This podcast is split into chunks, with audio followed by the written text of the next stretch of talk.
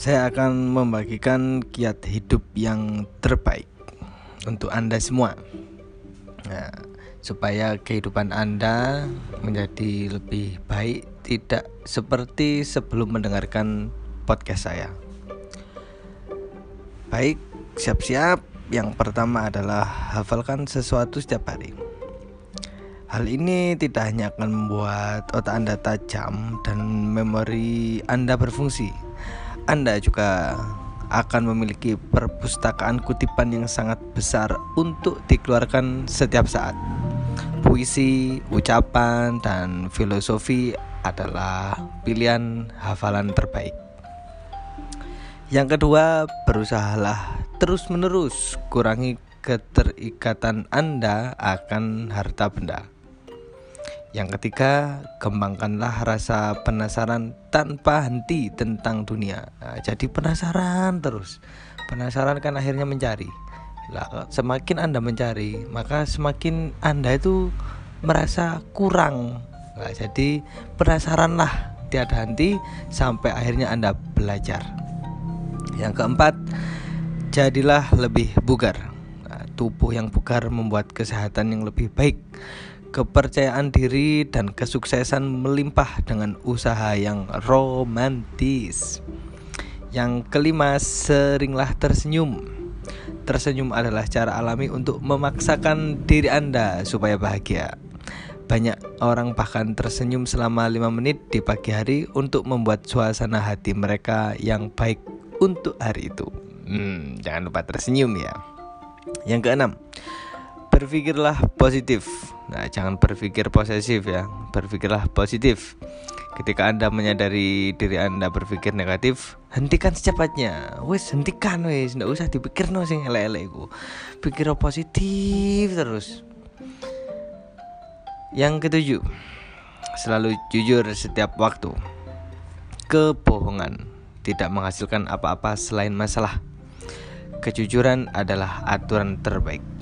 Jadi selalu jujur dengan pekerjaan Anda, dengan teman, dan dengan tujuan Anda. Yang nomor 8, tentukan apa tujuan dan impianmu. Tujuan dan impian adalah cara terbaik untuk mendapatkan yang terbaik. Untuk itu, itulah sumber dari kesuksesan dalam hidup.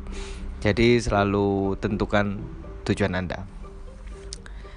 Nah, jadi apa tujuannya urip iku apa ya lah. Jadi tentu mulai saiki. tentu mulai saiki wis. Apa ya tujuannya aku urip ku apa ya? Nah. Nomor 9, belajarlah untuk tidak terpengaruh dengan perkataan orang. Alias jangan kemakan omongan orang lain. Kebanyakan orang menjadi sangat kesal uh, ake IGE baper ketika mereka memanggil dengan nama negatif atau bully atau mengejek. Nah, jadi jangan terpengaruh dengan omongan orang lain. Wis pokoknya strike forward alias maju terus wis rock and roll ngelundung. Ke 10 kembangkan kemampuan untuk memaafkan.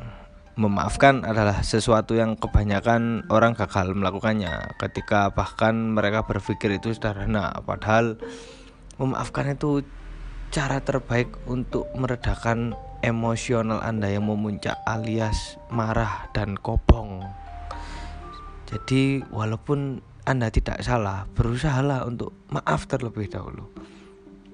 Ke sebelas, jadilah orang yang membuat orang lain merasa spesial jadi orang lain itu mengenal Anda karena kebaikan dan simpatimu.